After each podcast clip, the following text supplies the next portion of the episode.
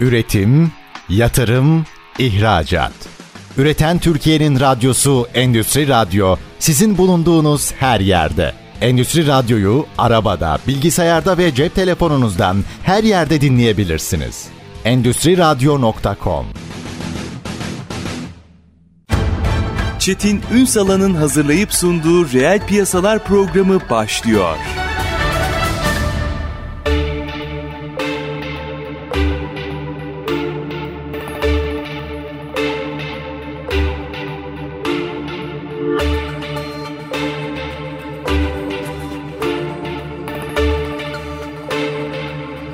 Reel piyasalardan merhabalar. Türkiye'nin gerçek gündeminde birlikteyiz efendim. Bugün yıl sonuna doğru tabii söz konusu olan ne oluyor? Bilançolar oluyor. Biz bilançoları konuşacağız. İleri finansal raporlamayı mercek altına alacağız. Sadece bizde değil dünyada da akfe raporları neler anlatıyor onu biraz konuşacağız. Yeni metotlar enteresan böyle tabii başlık halinde yol göstermek anlamında değil de yeni metotlar neler olabilir neler konuşuluyor bunu konuşacağız. Şirket içi suistimallerin üzerinde duracağız. Elbette şunun altını bir kez daha çizelim güven esastır ama güven denetime tabidir her zaman. Neler oluyor şirketlerin içerisinde bildiğimiz ya da bilmediğimiz firmaların nelere dikkat etmesi gerekiyor hepsini konuşacağız. Kıymetli bir konuğumuz var. Hile denetimi uzmanı mali müşavir Fikri Aslan bugün reel piyasaların konu. Sayın Aslan hoş geldiniz efendim. Hoş bulduk. Teşekkür ederim davetiniz için. Estağfurullah artık geleneğe çevirdik neredeyse her sene sonra çünkü herkes buraya konsantre olması gereken bir başlık. Zaman zaman atlanan da bir başlık. Bilerek ya da bilmeyerek yapılan bir sürü hata oluyor. Hatanın ötesine geçen suistimaller oluyor. Üstelik bu mesele sadece bizle alakalı değil. Dünya ölçeğinde baktığımızda Akfe raporları şirketlerin bu tip suistimallere çok açık olduğunu net bir biçimde gösteriyor. Biz biraz bunları konuşacağız. İleri finansal raporlama ile tabii başlayacağız ama önce ben Akfe raporları bize ne anlatıyor biraz oradan başlayalım mı? Dinleyicilerimize de en azından genel bir kanaat oluşsun. Dünyada ne anlatıyor, bizde ne anlatıyor? Şöyle bir minik özet alalım. Peki. O zaman Akfe'nin ne olduğuyla kısacık bir bilgi vereyim size. Amerika'da 1988 yılında kurulmuş bir suistimal inceleme uzmanları derneği kısa adıyla Akfe diye anılıyor. Amerikalılar ilginç bilmiş insanlar suistimalin de ortaya yatırılıp bu suistimallerin istatistiki sonuçlarını ve bu sonuçlardan yola çıkarak tedbirler neler alınabilir, nasıl kaçınılabilir ya da nasıl farkına varılabilirin cevabını arıyorlar bu raporlarla. Tamam yapılıyor bir suistimal ama bu suistimale ne şekilde uğranılıyor? Niye olmuş? Neden olmuş? Kaç kişiyle olmuş? Eğitim seviyesi, mevcut bulunan konum, uğranılan sektörler, verdiği zarar boyutların hepsini istatistikli sonuçlarını bulmaya çalışarak bunlara tedbir üretmeye çalışıyor. 1988'den beri faaliyette olan bir dernek. 96'dan beri de her iki yılda bir uluslararası rapor sunuyor. En son 2022 raporunu yayınladı. Biz 2022 raporunun üzerinden bir takım verilerle programımızda ara ara yer verelim. Şimdi hileli finansal raporlama nedir diye baktığımızda aslında adın üstünde belli hileli. Hileli. Yani gerçeği yansıtmayan. Sözünüzün başında da dediğiniz gibi hile hatadan ve kazadan ya da kasıttan ayrılıyor artık. Çok ünlü bir düşünürün sözü vardır. İlk yapılan yanlışa hata derler. ikincisine kaza, üçüncüsünde artık tercih olmaya başlar. Aslında biz şu an tercihleri konuşuyoruz. Özellikle yapılan ve bilerek isteyerek yapılan hileli finansal raporlama şirketlerin oldukça büyük zararlar verecek şekilde kullanıcıları yanıltarak bir takım verileri farklı göstererek çıkar sağlama eylemidir. Bunların yapma sebebi iki tanedir. Kısaca bahsetmek gerekirse ana başlık olarak. iki temel nedene dayanır. İşletmeleri olduğundan farklı göstermek için ya olduğundan iyi gösterirler ya olduğundan kötü gösterirler. Ne yapmak istediğinize bağlı burada. Örneklerle devam edelim. Daha Senin ne yapmak isteniyor onu Ne yapmak açalım. istediğine göre de iki türlü hileli finansal raporlama var. Tabii biz burada sözlerimizi hep tüm şirketler bunu yapıyor diye anlatmayalım. Çünkü Tabii bunu yapma, yapanlar da var yapanlar diye. var diye söyleyelim. Yapmak isteyen de nasıl yapıyor diye örneklerle devam edelim. Yoksa bizim Çünkü ekonomik... biriyle çalışmak istediğinizde de aslında o şirketi şöyle minik test etmeniz lazım. Sağlıklı şirketlerle çalışın diye konuşuyoruz bunu zaten. Kesinlikle öyle. Çünkü ülkemize çok değerli katkıları olan çok büyük şirketlerimiz, çok küçük de olsa yine çok kıymetli şirketlerimiz var. Binlerce kişi çalıştırıyor. Herkes ekmeğinin peşinde ve ticaretin bu zorlu şartlarında ayakta kalmaya çalışıyorlar. Yine de onlar hileli finansal raporlamaya tenezzül etmiyorlar. Bir şekilde yatırımcısını ya da çalışanlarını kandırarak kendilerine gerçek olmayan çıkarlar gözetmiyor. Ama yapılmak istenirse de şirketler bunlar için uygun zeminler. Çünkü şirketlerde birçok hesap istenirse üzerinde oynanabilecek, farklı yönlere kaydırılabilecek bir sistem içerisinde yer alıyor. Kötü niyetli birçok kişi bu sistem içerisinde istediği gibi at oynatabilir. Biz iyi gösterelim şirketimize. Bir şirket olduğundan neden iyi, İyi gösterilir? bir kötü gösterelim. O zaman bir iyi ile başlayalım. İyi ile başlayalım.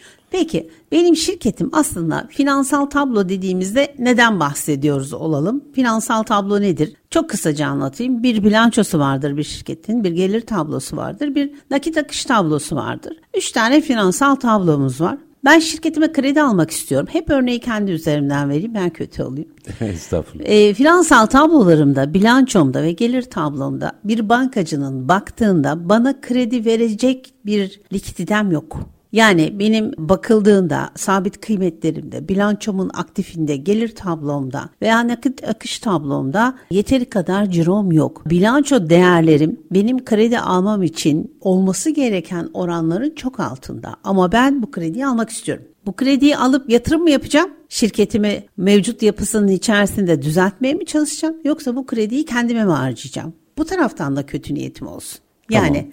Ben o almış olduğum işletmeyi daha bir üste taşımak için kullanacağım işletme kredisiyle gideyim kendi eşime güzel bir araba alayım. Ve krediyi de işletme, işletmenin dışına çıkartayım. Biraz oynamam gerekecek. Çok zor değil. Gerçeğe uygun da yapabilirim. Hangi sektörde yer aldığıma göre o sektörün kendi girdilerini de yansıtacak şekilde minareyi çalan kılıfını uyduran şekilde. Çünkü bazı sektörler vardır ki çok bağırır. Yani olmayan bir şeyi hesapların içine atarsanız bunları da bankacılar zaten görür. Onun dışında yine bağımsız denetçiler, dışarıdan alınan denetim hizmeti yapan kurum ve kişiler Tespit sektöre eder. uymayan bu hareketleri tespit ederler. Bankacılar bu konuda zaten kredi vermekte oldukça kısıtlı olan bir döngüdeler. Dolayısıyla sıkı dokudukları bir sistem içerisinden geçiyoruz. Örneğin üretim sektöründe olan bir firmayım.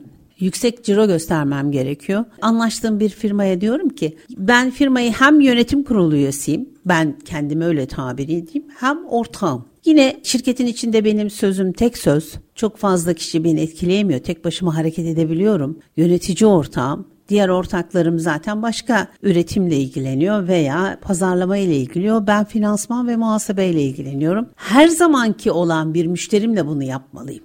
Çünkü ben ciromu yükseltmek istiyorum.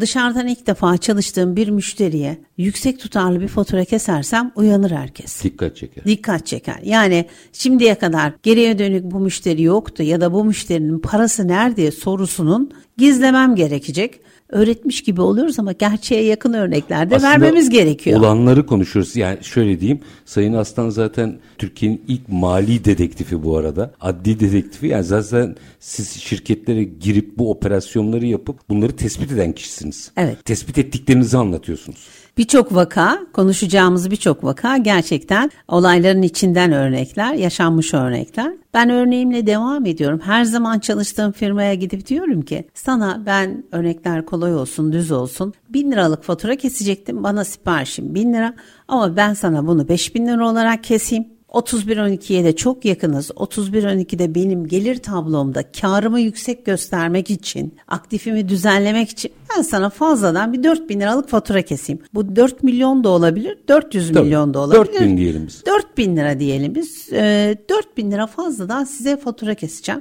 Siz de diyeceksiniz ki bana KDV'si ne olacak? Onu da ödeyeceğim. Onu da ödeyeceğim.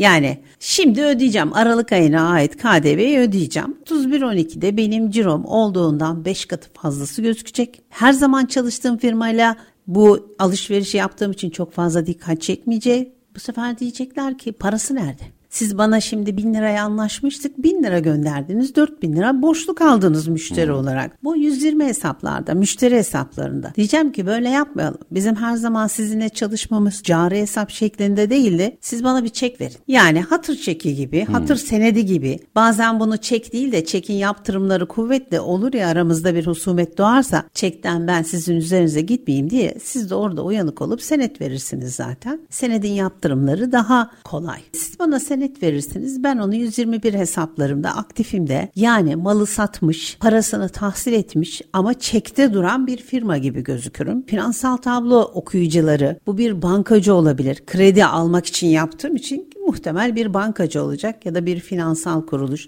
Hani şekilde bir faktörün şirketi de olabilir bu. Nasıl yakaladınız bunu? Bunu nasıl yakaladık? Şöyle oluyor. Şimdi şirketin bir hikayesi vardır. Sektörün de bir hikayesi vardır. Durun bu, bu, bunun cevabını herkesin kursağında bırakalım. Bir araya gideyim. Tamam. Aranın ardından şimdi bu vaka aslında rakamlar vesaire her şey örnekleme. Ama vaka gerçek. Evet. Şimdi nasıl yakaladığını mesela merak ettim. E, bu daha iyi niyetliyiz değil mi? Daha iyi, niyet, daha iyi niyetliyiz. Daha kötü niyetliye de geleceğiz. Nasıl yakalandı peki mesela bu? Bunu da konuşalım. E, sadece böyle yapılabilir değil. Bakın nasıl yakalanırı da bakacağız. Minik bir ara aranın ardından hile denetim uzmanı mali müşavir Fikri Aslan'la nasıl yakalandı sorusunun yanıtını alacağım. Lütfen bizden ayrılmayın. Üretim, yatırım, ihracat. Üreten Türkiye'nin radyosu Endüstri Radyo sizin bulunduğunuz her yerde. Endüstri Radyo'yu arabada, bilgisayarda ve cep telefonunuzdan her yerde dinleyebilirsiniz. Endüstri Radyo.com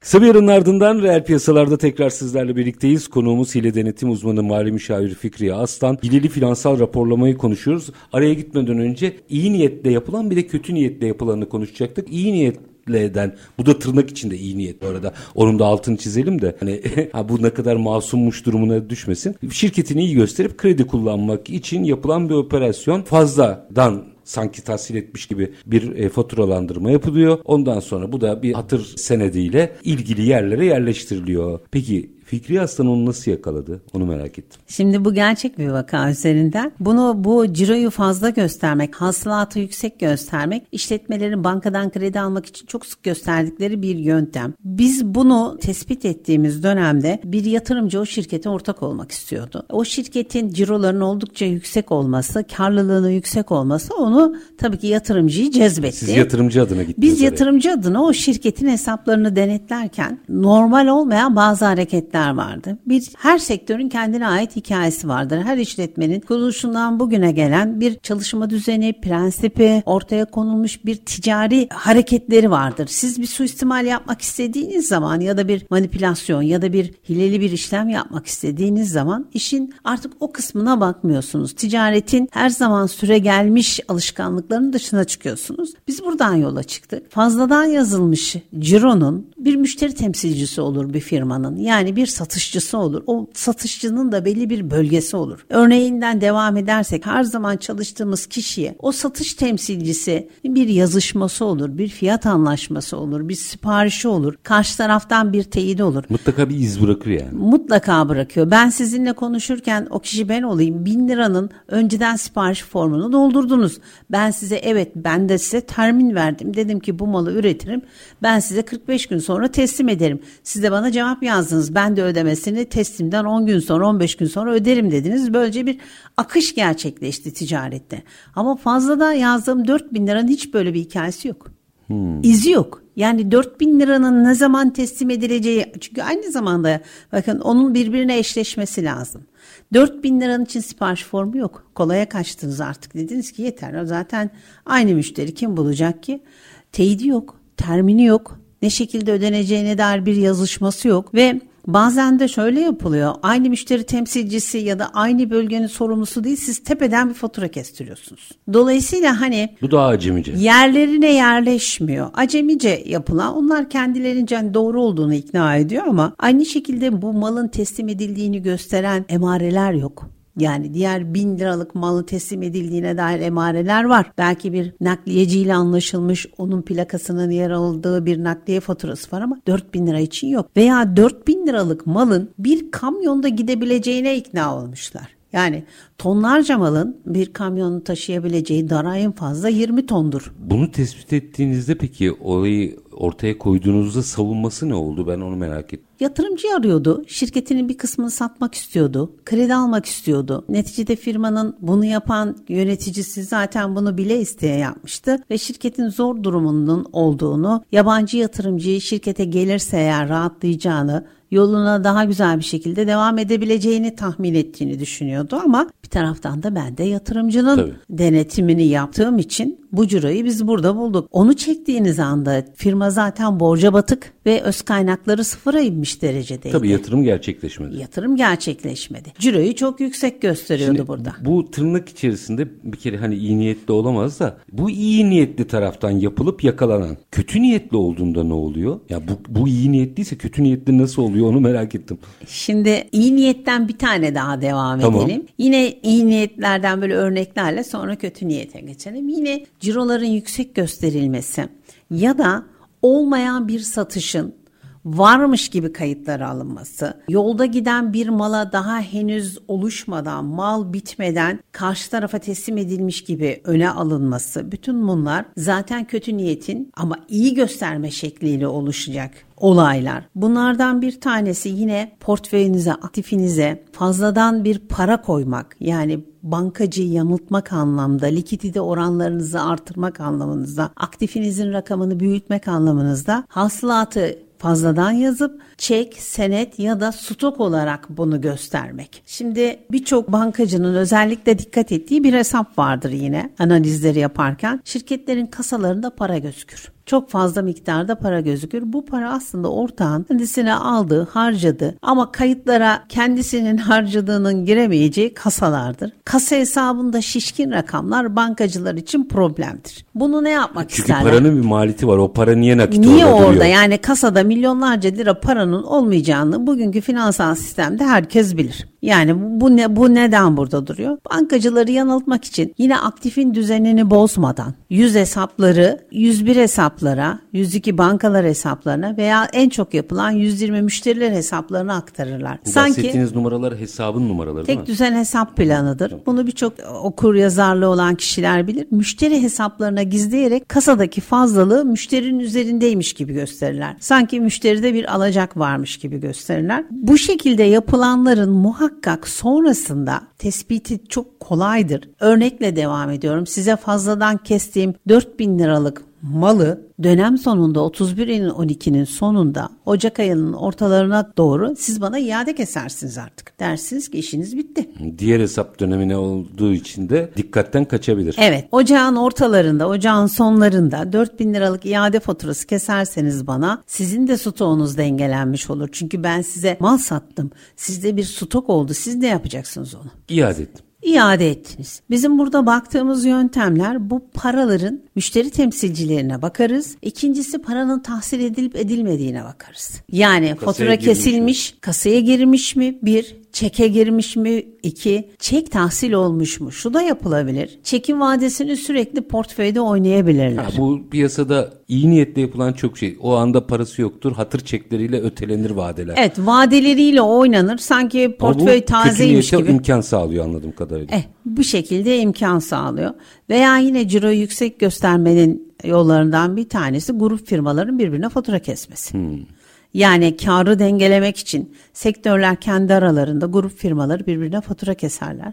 Ama bunu birçok bankacı zaten grup içi firmaları konsolide ederken ayırırlar. Bu da bir yöntemdir. Şimdi bir tane kötüye gidelim. Hadi gidelim. Bir tane de kötü örnek verelim. Ben firmamda çok vergi ödediğime inanıyorum. Ve ben bu kadar vergi ödemek istemiyorum. Şirketi zararda göstermek istiyorum. O zaman fazladan gider faturası bulmam gerekiyor. Veya yine iyi ya da kötü göstermek için kullanılan yöntemlerden birisi de aldığım bir mal gerçekten bir giderdir. Örneğin çok yüklü miktarda bir özel maliyet olabilecek dekorasyon, döşeme ya da aydınlatmadır. Bunun aslında gider olması gereken bir kalemdir. Ben bunu aktifleştirerek onu giderden sıyırarak bilançomu daha iyi hale getirebilirim veya kötü yapmak istiyorsam aldığım o gideri 10 liraysa 20 liralık fatura ettiririm. Fazladan gider yaratırım ve kardan böylece düşmüş olurum. Çok da fazla vergi ödemek istemiyorum. Bu bir naylon faturaya girmiyor mu bu bir anlamda? Naylon fatura hiç olmayan O hiç demektir. olmayan da yani Biz ona biraz mu? rakamını Ha, yükseltiyoruz.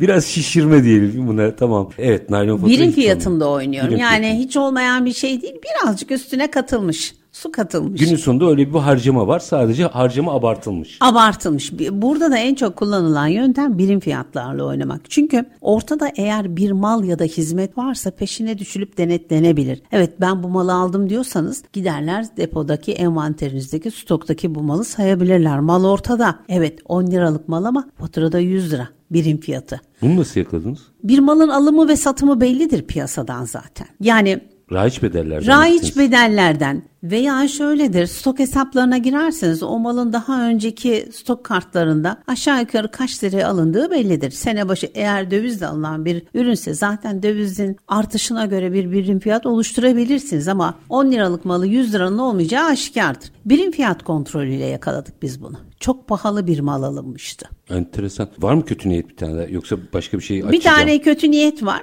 Bir tane de oradan anlatalım. Ben yine vergiden kaçınmak istiyorum. Fazladan vergi ödemek istemiyorum. Fazladan gider yaratabilirim ben. Veya yine anlattığım gibi fazladan pahalı mal alabilirim burada. Bir tane sabit kıymet alabilirim. Amortisman oranlarında oynayabilirim. Kötü niyetli olarak hızlandırılmış amortisman yapabilirim. Tabii vergi usul kanunun bize tanımış olduğu bazı İstisnalar var. İsterseniz normal amortisman ayırabilirsiniz, isterseniz hızlandırılmış amortisman ayırabilirsiniz. Ama siz amortismanları belli bir düzende tutmalısınız. Yani hızlandırılmışsa hızlandırılmış, normalse normal gitmeniz lazım. Bir sene hızlandırılmış, bir sene normal. İstikrar Bazen de lazım. hiç yok.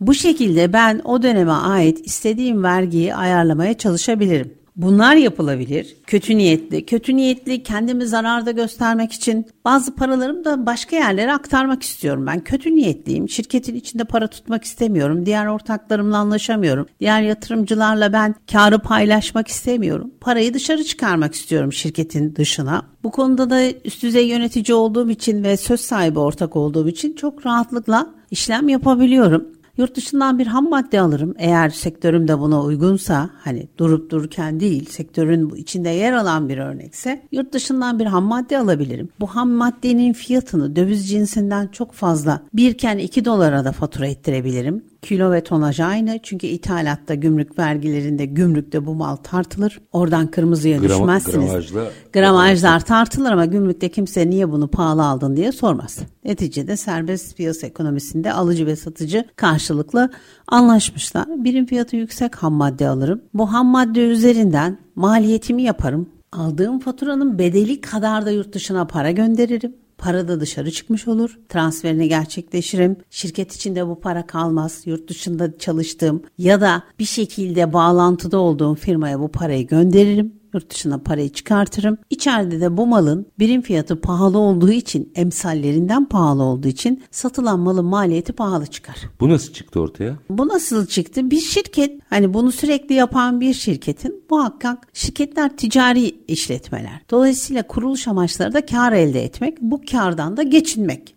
Bir şirketin 4-5 yıl boyunca zarar etmesi düşünülemez. Yani Zaten bakılır- vergi dairesinin de dikkatini çekiyor bu, bu tip şeyler. vergi dairesinin dikkatini çeker açıklamasının mantıklı olması lazım. Yani gerçekten zarar eden firmalar da var. Elbette. Şimdi diyeceksiniz ki herkes mi zarar eden herkes vergi kaçırmak için yapıyor. Kesinlikle değil. Zaten bunları yani iyi niyetle bu işleri yapanları ayırdık. Bunlar da oluyor piyasanın içerisinde diye konuşuyoruz. Onun altını çizelim. Yoksa iyi niyetiyle gerçekten zarar eden varsa da ediyordur yani ona yapacak bir şey yok. Şirket zarar ediyordur, bu sektörde zarar ediyordur. Ortaklar bu şirketten para kazanamıyordur ama grup firmaları vardır. Diğer bir sektör onu spanse ediyordur. Tabii. Ya da ortağın dışarıdan başka geliri vardır. Kira geliri vardır, menkul sermaye iradı Toplam vardır. fayda orada çıkar zaten şirketler Evet yani bunun içerisinde. açıklayıcı, izah edilebilir bir yönü varsa zaten vergi dairesi bunu Makul görüyor bütün kayıtlardan görüyor. Ama şu da var yani şirket ortağının ya da üst düzey yöneticilerin yaşam şartlarına baktığınızda çok rahat yaşadıkları, hiç zararda olan bir şirket gibi davranmadıkları, standartların oldukça yüksek olduğu bir zamanda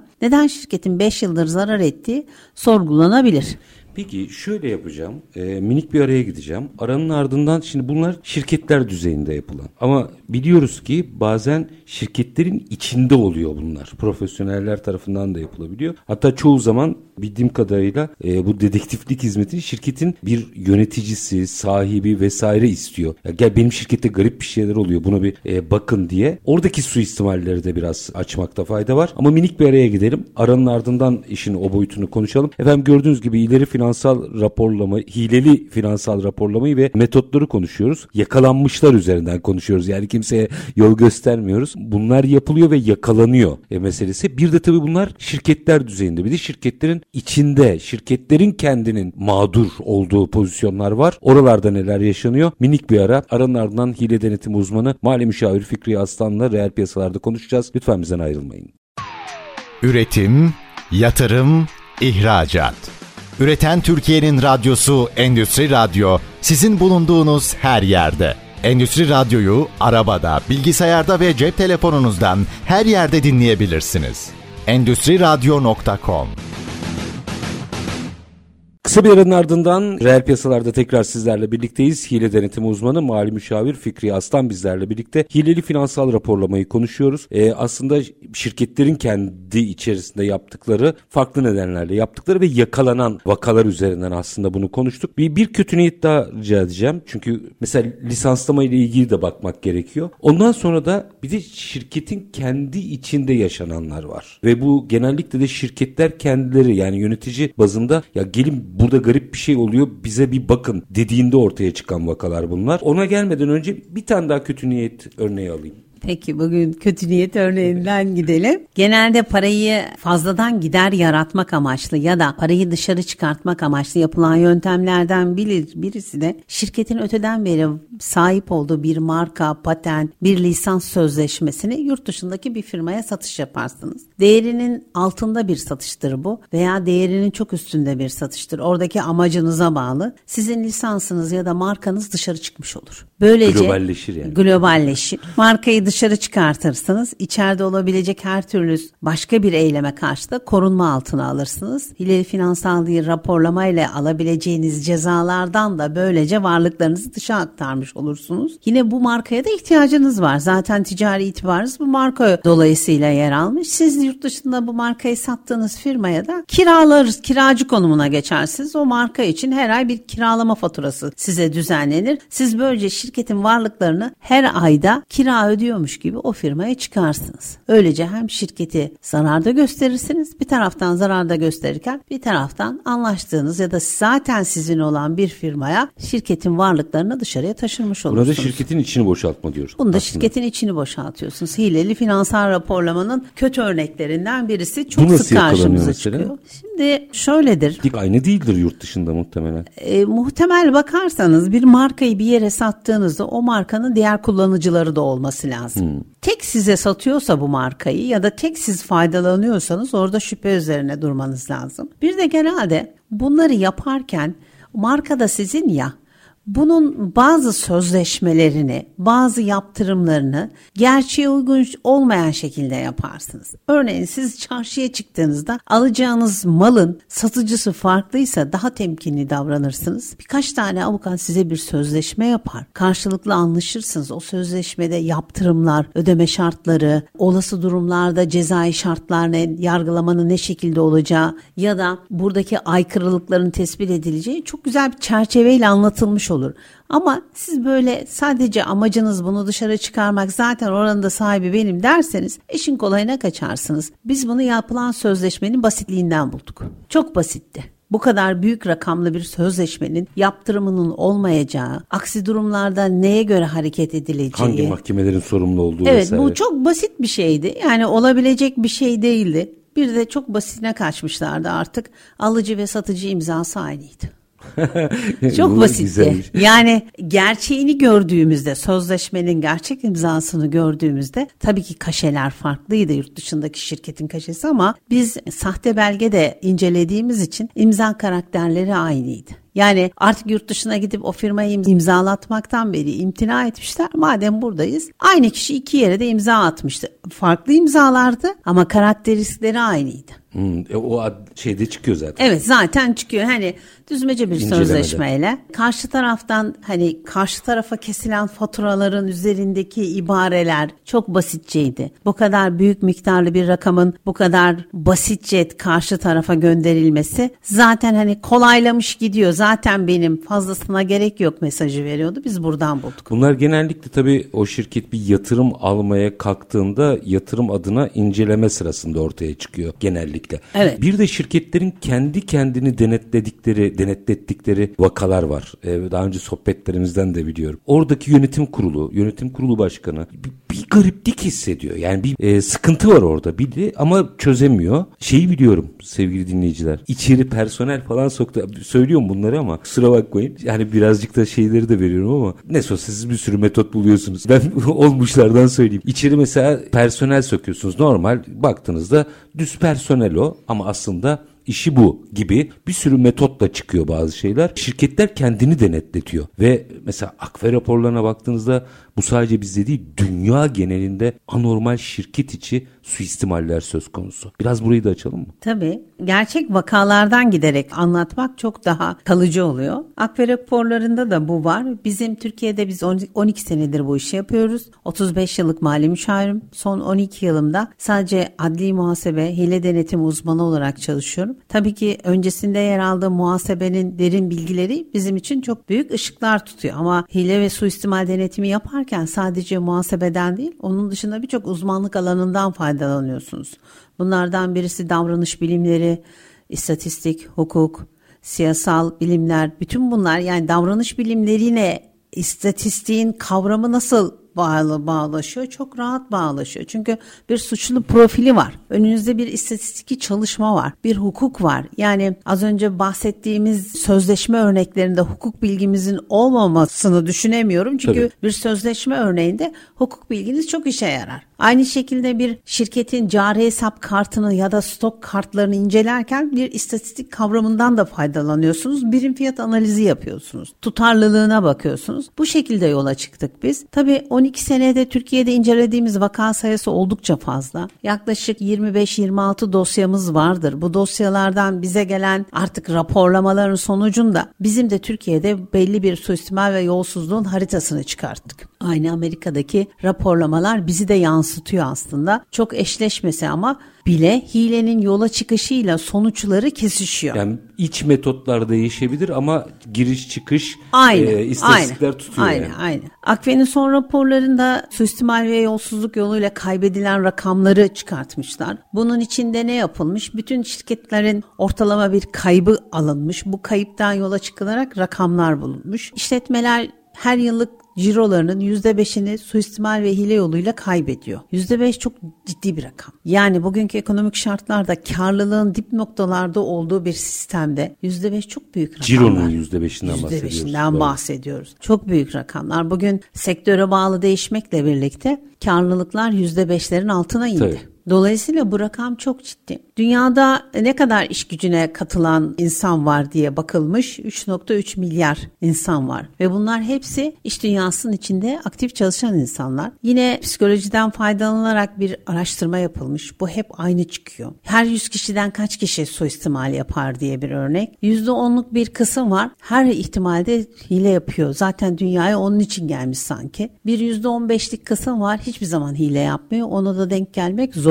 Ama bir %75'lik kısım var ki fırsatını bulunca yapıyor. Yani herkesin bir oynama noktası var. Bir ye- taşların yerinden oynayacağı bir %75'lik var. Yapmam mı? Acaba yapar mıyım? Fırsatını bulunca yaparım diyor. Bir %10'luk kesim bir de 75'liği koyduğunuzda %85'lik bir cephe var suistimale karşı. Yani siz %85'lik bir cepheye karşı kendinizi korumanız lazım. Dolayısıyla %85'lik oran her zaman bizi sıkıntıya sokuyor. Dünya ortalaması o. Dünya ortalamasında ve Türkiye'de de böyle. Biz de yakın zamanda kendimizi bir raporladığımızda bu rakamları bulduk kendi içimizde. Şimdi dünyanın tüm gayri safi milli hasılatı ne diye bakıldığında 2022 verilerine göre 94.94 trilyon 95 Amerikan doları. trilyon 95 trilyon Amerikan doları diye düşünüyoruz. Bunun %5'i de aşağı yukarı 4.7 trilyon yapıyor.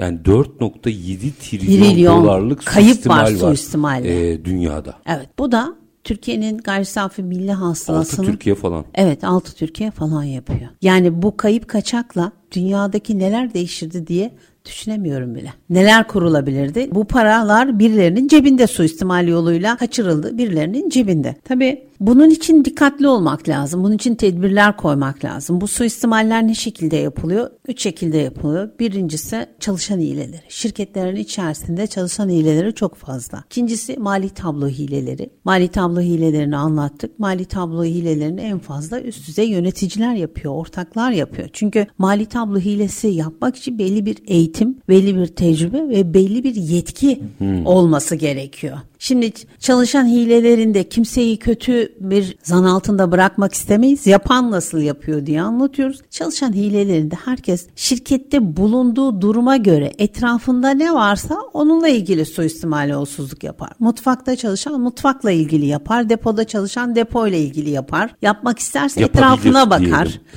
Yapabilir evet etrafına bakar ne yapabilirim diye. Kendince analiz eder. Elinin uzandığı, gözünün gördüğü, ayağının yürüyebildiği noktaya kadar gider. Ötesine gidemez. Çünkü hareket alanı bellidir. Ama finansal tablo hilelerini üst düzey yöneticiler yapar. Bu yöneticiler çoğu zaman da kendisinin yönetici ortak tarafından yapılır. Yönetici ortak kendini diğer ortaklara karşı başarılı göstermek için yapabilir. Daha fazla kar almak için yapabilir. Aynı şekilde CFO'lar, CEO'lar başarılı göstermek için kendilerini yapabilir. Pozisyonunu korumak için yapabilir. Terfi almak için yapabilir. Bir şekilde yapar. Ama buna baktığınızda ortalamalara baktığınızda hileli finansal raporlamayı yapan kişiler çok daha az hareketlerle çok büyük daha zararlara sebep oluyorlar. Neden? Çünkü bulunduğu ortam, aldığı eğitim, erişebileceği noktalar çok fazla. Ve tabii yetki. Ve tabii yetki. Yaptığı zaman hileli finansal raporlamayı gizlemek için de yetkisi var. Yani bunu örtbas etmek için kendi yandaşları, kendi kurduğu takım arkadaşları var. Ya bu sistemin içinde yer alacaklar ya bu sistemin dışına taşılacaklar. İşten atılacaklar. Birçok kişi de bunu bildiği için ya sistem içerisinde yer alacak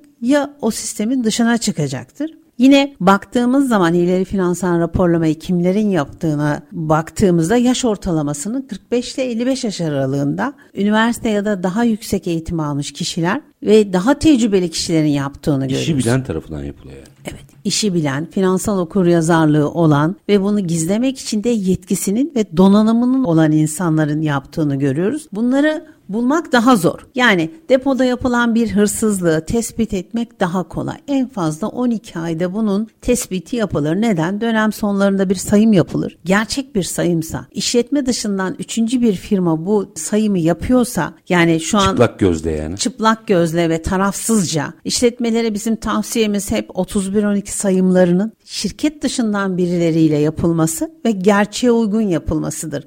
Depoyu saymak istiyorsunuz, muhasebedeki kişileri görevlendirip depoyu say diyemezsiniz.